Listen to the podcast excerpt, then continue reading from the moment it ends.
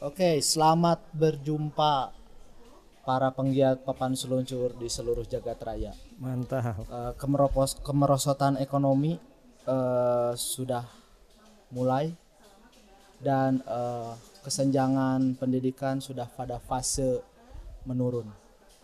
Akhirnya solusi kami adalah papan seluncur. Nah, kita kedatangan seorang narasumber. Ada saudara Inong. Selamat berjumpa saudara Inong. Halo, halo. Halo ya. Buka aja nggak apa-apa kalau ngomong. Buka aja ini. Aman, Buka ya? aman. Ya aman, aman, Siap. siap. Oke, biar bisa kita ngobrol. Oke. Eh, Nong. Nah, saya mau beberapa pertanyaan karena ini nyambung banget sama pergerakan Anda saat ini. Melangit, membumi, AC, dan papan seluncur. Saya mau menanyakan apa hubungannya ini antara skateboard sama ketuhanan. sama surga neraka. Pastilah.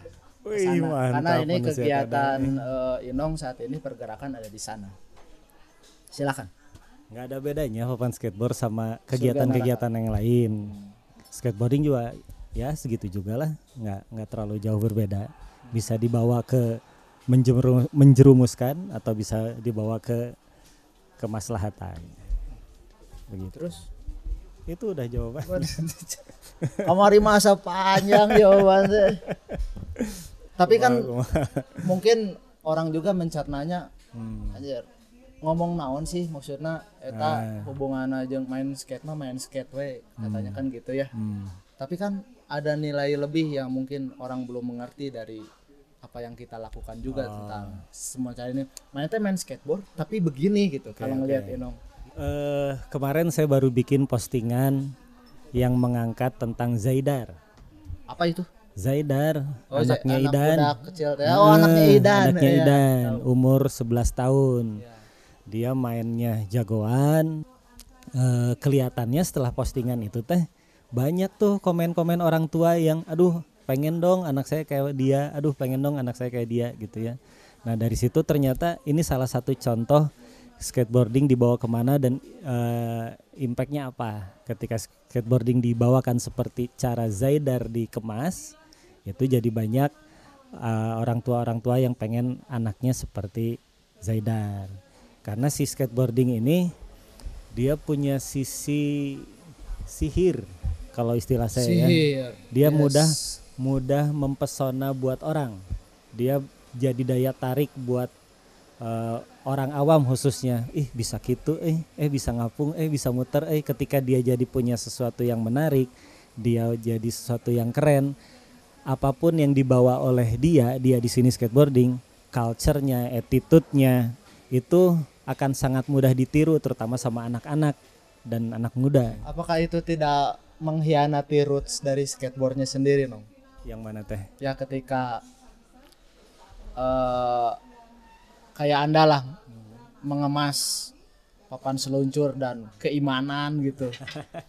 Karena banyak orang juga yang tidak sepaham ya menganggap itu naon sih lah meni skateboard mah kan kieu gitunya nyembah getih misalnya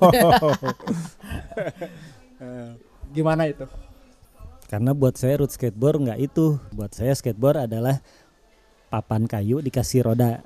Coba bayangin kalau skateboard tanpa ada masukan dari media apa pun. Nih, eh, Kadal bawa skateboard ke si bolang yang ada di Irian. Kasih aja. Kira-kira dia ngapain? Bisa jadi dia berinteraksi semaunya dia dipakai buat tidur lah di kayak pedal eh, surfing dipakai talenan meren dipakai buat dorong-dorong temennya itu eksplorasi sebebas-bebasnya skateboarding. Apakah attitude-nya jadi kayak sama tracer? Enggak kan? Roots-nya di mana? Nah jadi kalau kalau kita lihat ke kasus itu berarti root skateboarding yang mana? Dan skateboarding mah cuma papan beroda. Nah itu aja ya. iya Jadi adapun mah itu pemirsa. Adapun kalau yang kalau tadi yang dibawain sama racer dan macam-macam itu kan udah udah mereka yang ngisi. Kalau kita ngisi juga boleh dong. Ya, jadi kalau dia hanya sebagai sebagai kertas putih yang nantinya akan siapa yang ngisinya, skateboarding nih kertas putih nih, dia bisa digambar yang eh, hitam atau bisa digambar yang kuning ceria itu terserah kita. karena dia media ekspresi. Menarik eh, pemirsa di rumah. Buat saya ya, Betul. bangga manusia kadal. Seba- eh, tagline pertama adalah kita sedang menuju fase kesenjangan pendidikan. Hah? Karena dari itu. Jual ke pendidikan kumaha ya? Ini kan maksudnya gini. Sesuai tagline kami di depan Ah. bahwa sekarang ini kan ekonomi merosot. Kesenjangan pendidikan tuh sudah pada fase turun karena anak-anak nggak sekolah kan, nggak apa pun gitu sekolah dari rumah apa motoriknya terganggu. Makanya kami selalu bilang solusi kami adalah papan seluncur. Dari papan seluncur itu makanya saya datangkan Inong. Ternyata banyak banyak sekali eh, apa namanya eh, wawasan yang orang mungkin belum tahu bahwa ah main skateboard man gitu-gitu kayaknya ternyata dalam kan ya. Kalau yang Enong oh Mau di dalamin bisa. ada dalam. fase keimanan di sana ada fase surga dan neraka pemirsa dari skateboard aja kita bisa dapat itu semua fase olahraga motorik Itu istilah apa pun. kadal ada fase fase surga neraka saya mah nggak bilang begitu ya. ya nggak apa-apa eh, kan kami sesarkas itu lah Oh ya. nah boleh dong tahu karena saya mengenal anda dari dulu sudah mulai pergerakan ya saya nggak ngomongin surga neraka sekarang Oh siap. ada orang yang eh, lupa dari seorang Inong dia adalah seorang build the city. Ya di balik itu semua fasilitas-fasilitas tempat bermain papan seluncur itu ternyata beliau ikut berkontribusi pemirsa. Ceritakan tentang build the city Inong. Beauty City, Beauty City. apa ini ada hubungannya lagi sama surga neraka juga atau?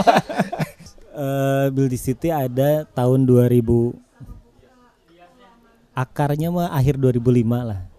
Itu Cukup lama ya? bibit-bibitnya Beauty City. Pertama kali bikin itu di viaduk dia hanya nempelin besi siku di di apa? Trotoar? Ya di bench lah. Bench? Ah, di pagar potnya buatan Pemda. Yang kalau kita langsung grind bakal hancur. Jadi harus di ditanemin dulu besi siku biar lebih aman. Nah cuman belum pakai nama Build City baru dibikin jadi Build City itu awal 2007 project pertamanya handrail Pajajaran dari situ yang dicolong sama tukang kindau ya iya betul ya di Ragaji saya. Iya. nah, proyek pertamanya itu eh, handrail Pajajaran, keduanya curbs curbs di Pasu apa Cikapayang. Selanjutnya ada tempat sampah, ada macam-macam lah ya. Nah, itu dibikin karena lagi eh, street skateboarding kalau menurut saya cukup lesu. Dan buat saya sendiri yang senang main di outdoor apalagi di cuaca yang lagi cakung lagi cerah aduh greget pengen main gitu kan tapi banyak rana lewat ya.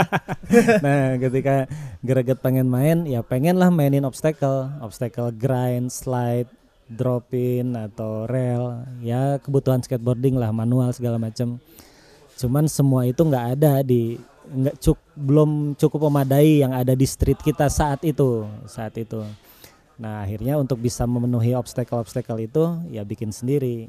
Tapi bikinnya karena di ruang publik dan itu bukan hak kita makanya nyamar pakai baju pekerja biar biar lebih aman lah kalau ada yang nanyain ada yang nyamperin ini lagi ngapain?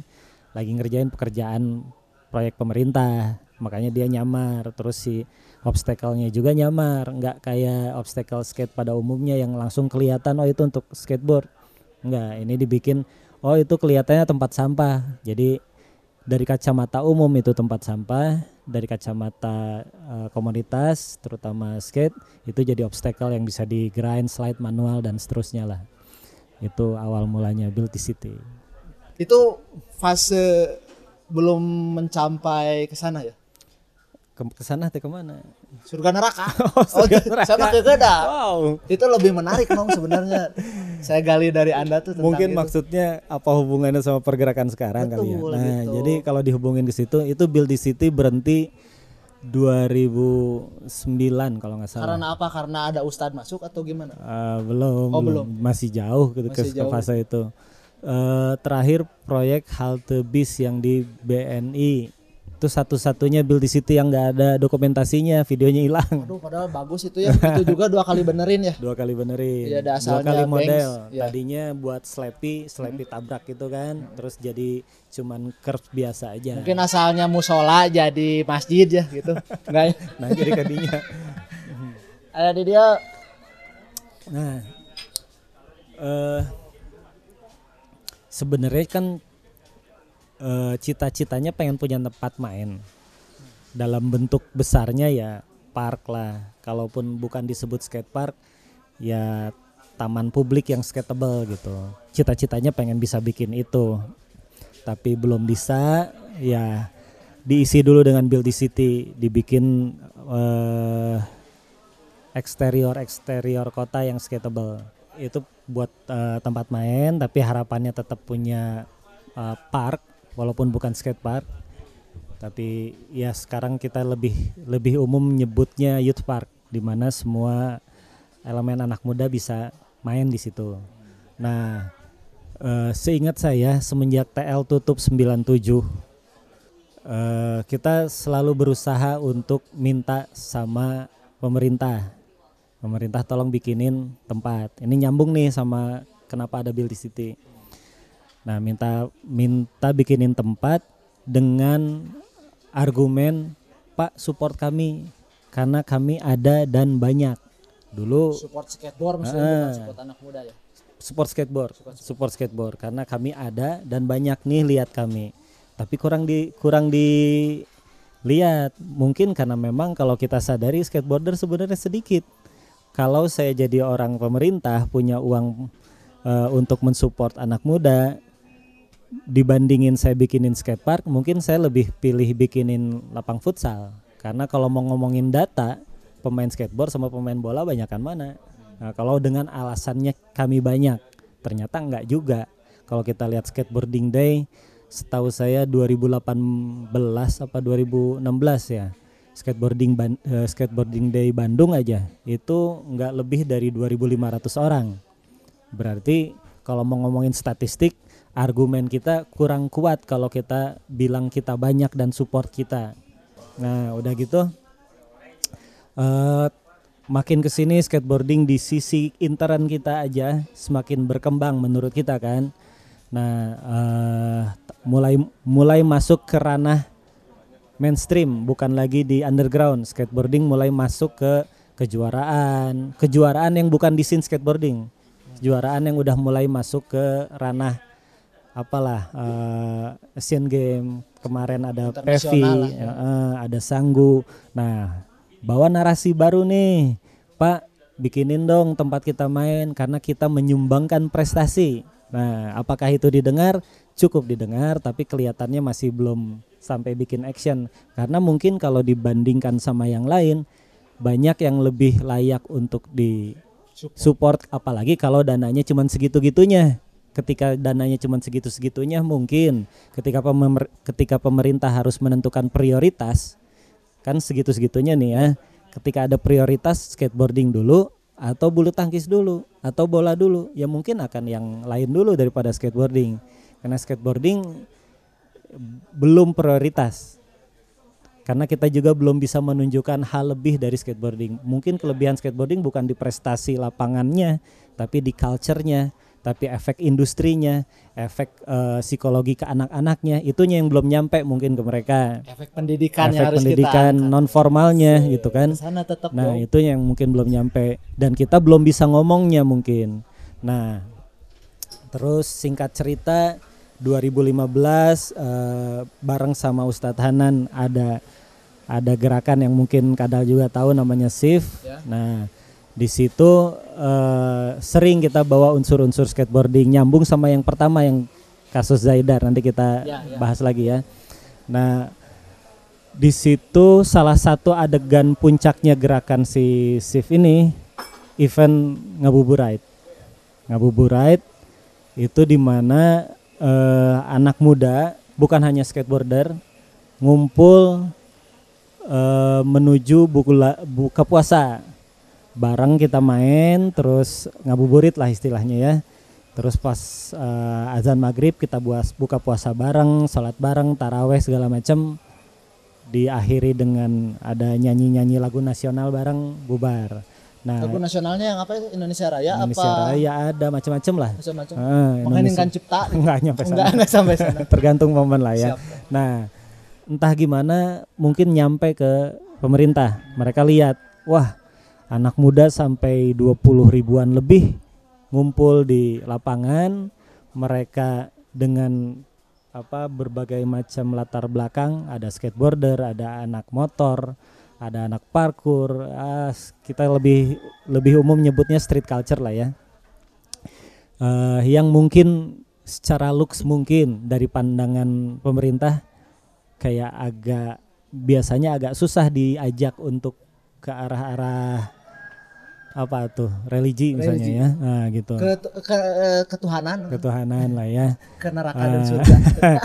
itu di di di momen itu bisa. Dan di situ pemerintah ngelihat wah kok bisa gini ya kalian? Kok kalian bisa eh, ngumpul bareng main bareng seru-seruan asik-asikan tapi eh, ada sholat barengnya juga terus taraweh bareng segala macam lah dari situ terbukalah hubungan dengan pemerintah khususnya pemerintah Bandung yang saat itu nggak tahu mungkin sampai sekarang yang saya tahu punya tagline Bandung Kota Religi kalau nggak salah.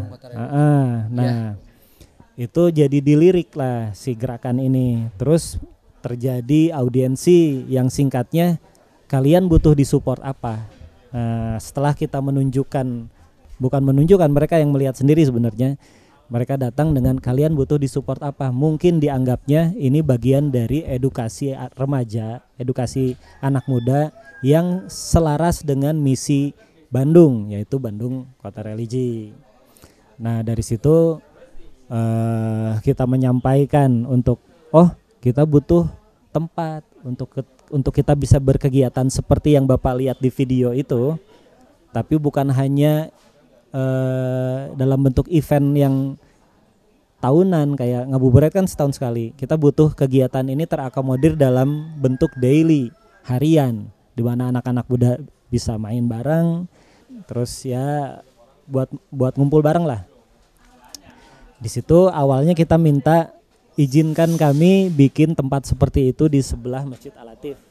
Nah, waktu itu kita nggak minta dana juga dari pemerintah karena kita fundraising bareng rumah zakat waktu itu. Nah itu eh, dari pihak kota sebenarnya mengizinkan bahkan mensupport, tapi karena memang alatif ini masjid komplek ya dan itu mungkin kurang pas untuk buat ruang publik yang bisa mengundang banyak keramaian terparkirnya di mana segala macam akhirnya warga pun eh, keberatan. Nah akhirnya rencana itu gagal tapi berbuah di Manis. tempat lain. Nah Pemkot pun akhirnya oke kalau gitu untuk bisa terrealisasi eh, kami punya aset nih beberapa tanah Pemkot mana yang yang menurut kamu cocok untuk konsep ini konsep ini tuh konsep tempat main youth park yang ada masjidnya gitu kan Eh, setelah lihat-lihat tanah salah satunya ada tanah yang di samping homing di samping apa? Saritem Saritem. Oh, Saritem. Heeh, ada tanah gede di samping Saritem. Pas kudu nama di sana. terus ada juga di Lebih Tegalega ada macam-macam lah. Akhirnya pilihannya jatuh di Taman Pramuka karena dia ada di center terus eh, teduh juga dan ada bagian perkerasan yang memang sudah keras jadi kita ketika ngebangun Taman Pramuka nggak nambah perkerasan nggak nam nggak makan tanah baru tapi memang tanah yang udah eh, keras di atasnya kita bangun nah si Taman Pramuka ini awalnya konsepnya adalah eh, masjid dan eh, halamannya itu ada parknya, ada fasilitas main anak mudanya. Jadi yang seperti sekarang tapi yang sekarang teman-teman lihat itu belum 100%, belum sesuai konsep awal karena keburu pandemi dan segala macam lah. Gitu ceritanya. Jadi kesimpulannya, kesimpulannya ketika skateboarding dibawa ke pemerintah dengan narasi Pak support kami karena kami banyak itu kurang relevan, kurang make sense buat buat buat pemerintah. Pas Pak support kami karena kami berprestasi itu pun kurang, belum. Tapi ketika Pak support kami karena kami bagian dari pembinaan anak muda pendidikan tadi. Yes. Oh oke kalau itu langsung turun. Jadi eh ketika kita bawa kepentingan lebih banyak itu eh, lebih lebih turun bantuan gitu. Lebih lebih didengar lah. Apalagi ketika itu dibawa ke arah positif. Nah, ya kita juga ngalamin zaman skateboard rebel, skateboard lawan, skateboard ah, itu Ya. ternyata nggak efektif. Kalau kita punya tujuan pengen punya tempat, apalagi dihubungkan ke situ gitu kan. Ya sebenarnya mah kalau saya rasa-rasa juga ya main skateboard mah dari zamannya TL sampai sekarang main teh di fasilitas pemerintah ya. Taman lalu lintas, Tegalega, Ya. Balai Kota, di mana lagi?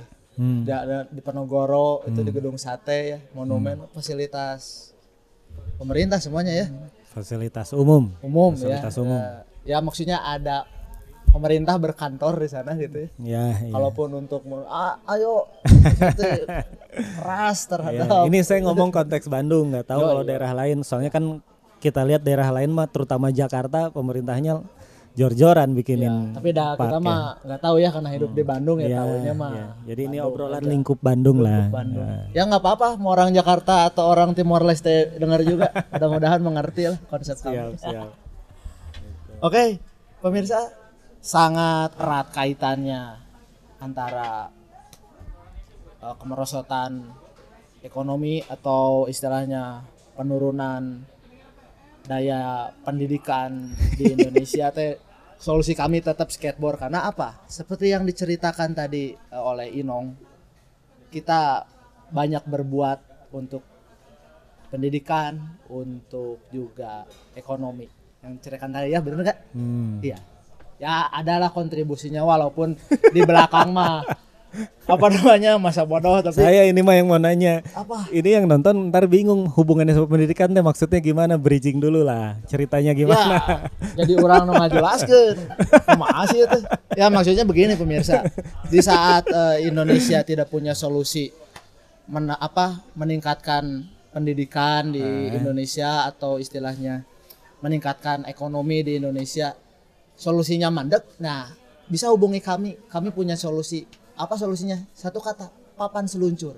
Lewat papan seluncur ini akan banyak pengembangan pendidikan yang emang mungkin alternatif lain dan lebih segar dibanding kurikulum sekolah yang sudah ada kan Oh gitu. betul nggak iya dong Nah, kalau menurut saya masih gulu olahraga saya waktu zaman saya gemuk tuh bisa lompat tapi nita 12 keliling di Saparua manehna mah teh sanggup selama 12 menit tapi kan maksudnya bukan itu tapi ke sininya kan itu kan membosankan ya tapi dalam konsep papan seluncur pendidikan itu bisa dibuat semenyenangkan mungkin hmm. menurut kami. Pendidikan agama juga ya terbukti kan. Inong sendiri ngangkat pendidikan agama lewat papan seluncur secara tidak langsung pemirsa. itu kan bisa bisa oke gitu menurut aku. Zaman kita remaja, saya juga seneng ngelihat ngelihat apa video-video skate luar gitu ya. Terus gimana mereka jago-jagonya, gimana mereka eh, lifestyle-nya. Tapi eh, kalau sampai yang eh, apa kita lihatlah di terutama biasanya di tracer sih yang mereka main spotnya kehalangin sampai berantem sama orang tua security-nya misalnya orang tua banting-banting papan lah segala macam. Terus ada juga yang sambil mabok lah gitu ya macam-macam lah. Pertama saya ya saya lihatnya wow ini mantep nih gitu kan. Waktu masih masih darah muda lah. Tapi sekarang ketika saya punya anak terus anak saya udah mulai suka skate mulai tertarik sama skateboarding terus dia nontonnya tracer dan segala macam saya mulai khawatir saya mah nggak mau anak saya nanti lewat skateboarding dengan in, influence-nya ke skateboarding dia jadi ngelawan sama orang tua dia jadi kasar dia jadi nggak menghargai orang lain nggak bisa berbagi di ruang publik. Saya mah khawatir punya anak kalau sampai gitu gara-gara skateboarding. Nah akhirnya saya pengen kalau anak saya main skateboard ketika dia buka medsos ketika dia pengen lihat YouTube skateboard dia dapetin skateboard yang dibawakan dengan eh, good influence. Nah, jadi anak saya bisa main skateboard dengan tenang tapi nggak sampai attitude-nya seperti yang itu gitu. Nah, jadi kalau udah mikir ke anak jadinya pengen menyuguhkan skateboarding yang Baik. positif. Jadi kalau tadi hubungannya sama pendidikan, mudah-mudahan dengan skateboard si anak jadi uh, lebih kreatif, si anak jadi lebih pemberani, si anak jadi lebih bisa toleransi ketika dia berbagi di ruang publik, ketika dia di street, dia lebih menghargai kepentingan orang lain sebelum kepentingan dia. Itu kan part of akhlak skateboarding di street ya. Kembali lagi ke. Nah, itu eh, bisa kita tularkan ke adik-adik, ke anak-anak kalau kita punya eh contoh-contohnya atau idola-idolanya. Kalau dia idolanya cuman ke satu media, dia akan berkesimpulan kalau skateboarding itu seperti tracer, seperti zero misalnya gitu ya. Tapi ketika dia punya banyak pilihan, dia bisa melihat yang lain. Misalnya, oh skateboarding itu saya pengen kayak Zaidar, ya buat orang tua saya mah seneng. Siap Ustaz, saya Ya mengerti kan? Ustaz. Nah, daripada ketika dia, oh saya skateboardingnya pengen kayak maaf maaf misalnya siapa Ali Bolala zamannya gitu kan, aduh saya mah nggak mau anak saya kayak gitu. buat saya oke lah, tapi buat anak jangan. Ini kan ngomongin pendidikan ya. Iya, Nah, kan oke. maksud saya kan ke sana. Iya. Tapi kan bagaimanapun jadi untuk saat ini kita punya alternatif kan. Hmm. Alternatif makanya saya bilang selalu ketika masyarakat sudah mentok sama dunia pendidikan dan mungkin udah capek sama dunia pendidikan sekarang.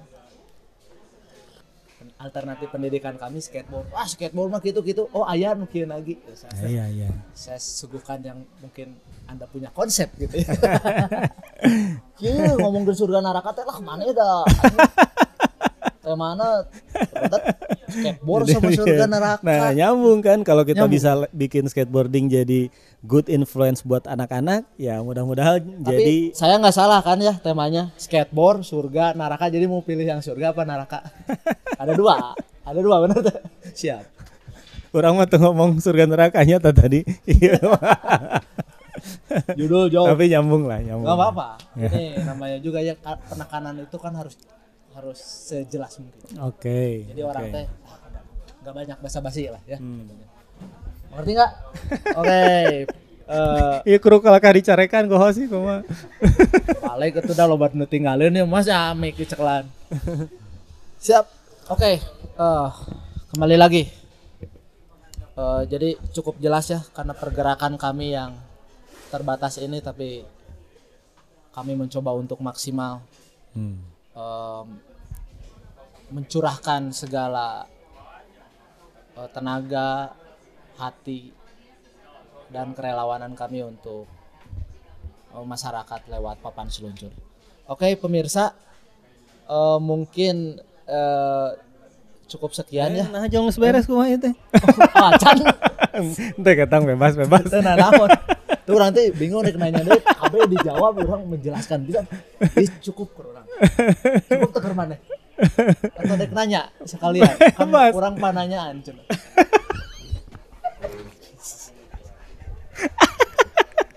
Orang tuh dah, iya nya nggak jelaskeun juga ke pemerintah kota, kalau orang jadi rada anyanong itu benar oke sih. Orang tuh bisa membantah kalau rada ngadalan. sok atuh kadalan sok. Kayak celah ngadalan di belah mana Itu mang. geus kapangi euy kemari dah. Geus. Oke. Ada tambahan pemirsa ini pertanyaan titipan dari langit ternyata termasuk Tuhan. Tong ini ada pertanyaan nih, nggak apa-apa. Hmm. Skateboard dan lingkungan environmental teh lain lingkungan oke nya environmental isu lah. Jadi isu papan seluncur dan isu lingkungan. Nah, nah itu pertanyaan bisa dihubungkan gitu. Nah, hubungan. Saya tanya nyambung tadi hubungan so iya mah lain pakarna. Ayah orang pakarna hubungan Ya ini yang yang saya alamin mungkin ya yang berhubungan sama lingkungan. Salah Eta mah satunya urang sakuduna Joni. Ai, urang di lingkungan isu lingkungan urang. monster kresek dulu Oh, bener. kena nggak Benar-benar. baiklah non oh tuh eh kumaha itu anu nyari tuh Monster kresek kumaha? Hah? beda atuh atau menanya ke orang Sok atuh saya heula, saya heula. sok atuh skateboard dan lingkung dan isu lingkungan Hmm. skateboard dan isu lingkungan Yang saya tahu besok skateboarding ini itu kunaon? kunaon mana Nahan serius. Cika naon sih? apa eta jadi skate- bukan orang mah nanya satu tema kadenya teh hubungan skateboard dan surga neraka Hmm. kan pakar Hmm. dia nanya hubungan skateboard sama isu lingkungan eta mah orang Ya. Tapi meureun tapi pendapat. tenang bisa ibang apal. Oke. Siap. Yang saya tahu Ya. skateboard itu paling enak kalau mainnya di konkret. Semakin konkret, semakin solid, semakin enak, semakin ngepop. Mungkin pernah lah ngerasain gimana obstacle di wood atau park wood, Oh, wood di- ya, car- di- eh, park yang pakai kayu sama park yang full konkret. Pasti lebih enak full konkret lah. ya betul Secara dia eh, lebih ngegleser, Yes. lebih ngegoloser ya. Ya. Terus lebih ngepop juga kan. Betul. Terus perawatan segala macam juga lebih lebih mudah ketika dari konkret. Umur lebih panjang. Tapi semakin konkret semakin bermasalah dengan lingkungan terutama penyerapan air. Nah, makanya semampu mungkin kita konsultasi sama orang-orang yang memang eh, expert di bidangnya. Makanya pas kemarin bikin pramuka itu gimana? Da, sejujurnya mah tetap ada rasa berdosa ketika bikin eh, pengerasan. iya iya saya- kan? maaf motong nih Nah. kebetulan air udah dipempet dan sekarang tetap keluar Ya, seperti itulah ya. Nah, makanya pas ngebangun pramuka dicari, dipilih lahan yang memang eh, sudah keras. Jadi kita nggak nambah-nambah dosa Betul. buat lingkungan, nggak nambah-nambah, nggak nambah-nambah perkerasan. Nah, terus eh, sebenarnya ada lagi yang kayaknya agak jahat buat lingkungan dari skateboarding itu papan. papan Ya, kita lihat buat kelas-kelas kita mungkin ya ganti papan setahun sekali udah udah udah enak lah ya. Tapi buat yang pro, buat yang mainnya sering, itu kayaknya bisa sebulan atau dua minggu sekali ganti. Yang kita tahu papan berbahan maple. Artinya logikanya apakah penebangan maple ini besar-besaran untuk industri skateboarding? Nah, itu kan kalau mau dikejar ke situ menyedihkan juga buat lingkungan. Mulai mikir ke situ, mungkin sebenarnya industri bisa banget bikin papan yang lebih nggak ngabisin pohon, tapi mungkin dampaknya ke perputaran papan jadi lebih lama dari sisi bisnis atau ekonomi. Ayolah kita ulik sisi itunya gitu. Nah, ini pertanyaan ada nih susulan. Ada yang bisa menggantikan pengganti apa material buat gantiin papan yang sebelumnya gitu. Itu harus ditanyakan ke ahlinya. Cuman Salah yang, mana yang ditanyain? Cuman yang saya tahu ya Lukas Ensan bikin dari bambu. bambu kan pohon juga. Iya, tapi bambu pertumbuhannya jauh lebih cepat daripada maple. Oh, kalau maple bisa. gitu ya. Iya, di- kalau bambu mah kayak yang buat saya mah kayak nggak apa-apa mau ditebang sesering mungkin juga karena asal kita memperlakukan budidayanya karena dia tumbuhnya cepat. Memang dia diciptakan untuk dipakai. Kelihatannya seperti Kalau itu. dalam agama mah itu teh aya naon kasebutnya? Manfaat. Oh, bukan kalau Apa kayak makanan ternak apa ternak gitu atau kayak misalnya kita tidak boleh membunuh harimau tapi boleh menternakan hewan ternak. Budidaya apa? Budidaya ya. Ya bisa dibudidayakan mungkin. Nah, jadi dalam agama. Ente. Aing jadi orang terbawa kanu ya sih tema surga neraka ya eh on fire-nya di dia selalu. Tapi tenang nong. Berarti kalau itu boleh ya kalau bambu itu ya. Bambu mah menurut para pakar perkayuan itu jenis kayu yang paling oke untuk dipakai dalam skala besar dan cepat. Atau itu hanya narasi saja biar mereka oh boleh gitu. Enggak juga sih, kayaknya emang cepet dia. Kalau nggak salah, coba di googling dia ha- boleh dipanen nggak nyampe hitungan dua tahun kalau nggak salah. Ya dibandingin sama pohon-pohon gede yang biasa dipakai buat skateboard mah kayaknya jauh lebih mending Jauh bambu lebih ya. belum lagi kalau mungkin di mix sama resin dan segala macam bisa lebih Awet. awet. lagi cuman penjualan jadi lambat mungkin ke situ efeknya Tapi kan yang setahu saya mah dulu teh ada waktu dari tahun 70-an juga sudah dibikin dari plastik, lain. Itu alasannya kenapa tuh? Nggak tahu ta cuman kalau Kampung ka surga neraka mungkin ah, si abus neraka sih pakai kayu mah cenah.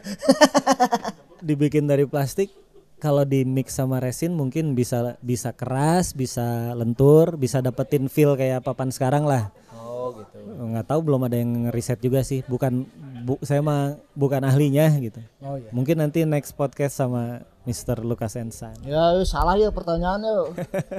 Harus sama ahlinya. Siap. Oke. Udah ya ini berarti ya. Sugan Karena mm, udah cukup. Si- si- jadi iya. ke mana ke surga ajakan atuh ke surga deket cenah mah deketnya surga Oh, gitu. teh apa tuh Eh. Bi- di surga teh bisa nempuh ke neraka caranya Iya. siap Eh, pemirsa kita akan akhiri saja langsung nih karena Hmm. sudah oh ada satu lagi ngelantur. satu lagi deh Aya kayaknya wah lah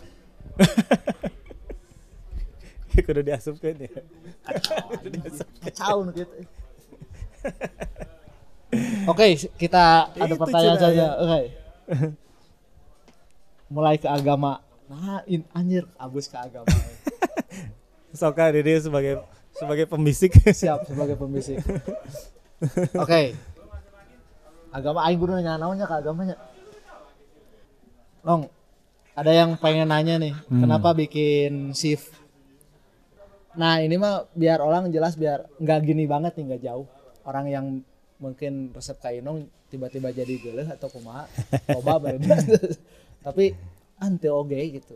Ternyata orang nyieun ieu teh tah. Coba ceritain kenapa bikin Nah, shift. itu tipan itu. Naon deui?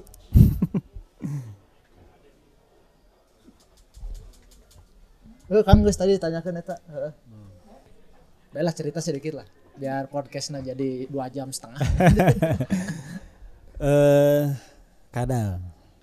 Cih, The manusia kadal brengsek. Manusia kadal brengsek. Yes. Ngerasain enaknya skateboarding? Oh iya, atuh. Oh, jelasnya.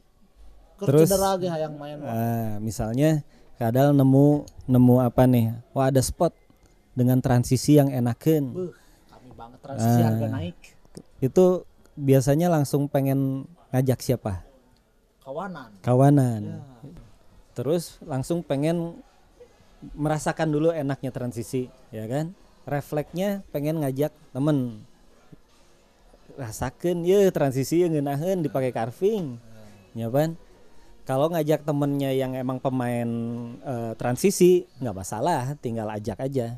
Ketika saya ngajakin temen yang eh, mainnya street banget, itu harus ekstra PR, ekstra presentasi. Kalau ayo cobain tracknya longgarin, cobain pakai track lebar, cobain pakai papan shape shape shape papan ini, rasain carving di transisi enakan, nggak usah ngetrik juga udah bahagia. Dan dia nger- dia sampai dapetin feel, aduh ngeunah eh carving hungkul kayak itu kita juga ikut seneng.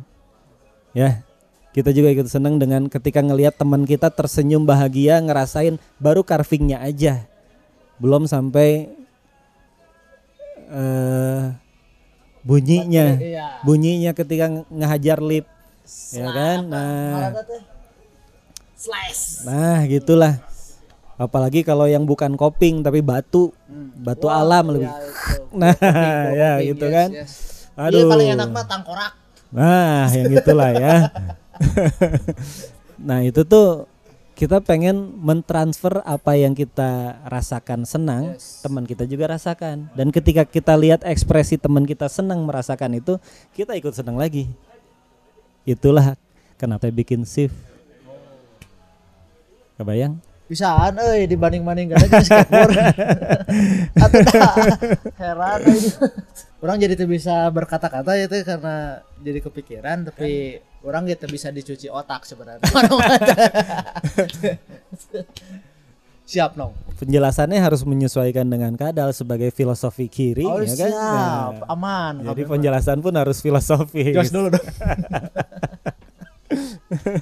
Oke, Cukup jelas kah? cukup jelas, cukup, Cukup jelas, jelas. pemirsa. Karena ya saya juga kadang di dunia papan seluncur juga gitu ya. Hmm. Bukannya mau antipati tapi nyanggeus beda kudu milih hirup mah. Iya, ketika kita merasakan enaknya papan luncur dirasakan sama kita, itu bahagia. Tapi ketika kita bisa bikin orang juga merasakan kebahagiaan kita, double bahagia. Nah, itu jadi Tapi intinya mah tidak ada maksud lain untuk Anda menjadi seorang nabi gitu biar banyak pengikut kan intinya mah enggak itu ya. entahlah. Ya enggak itu intinya mah Anda ingin berbagi kebahagiaan yang Anda dapat, Hmm, orang lain bisa dapatkan kebahagiaan itu. betul. Oke pemirsa sudah kita akhiri saja langsung karena wis ke mana-mana ya orang ngomongin skateboard yang nama. Oke. Eh, kapan ngomongin skateboard tadi? Ya. Masih tetap di dunia yang tetap tidak aman pemirsa. Tapi kita harus terus semangat, harus terus tersadar bahwa kita sekarang masih diberikan kemampuan untuk eh, bertahan di dunia ini. Jangan sampai kita memilih apa yang tidak kita inginkan. Wih. Betul. Betul, betul. Sampai berjumpa di episode selanjutnya. Terima kasih Bapak Inong.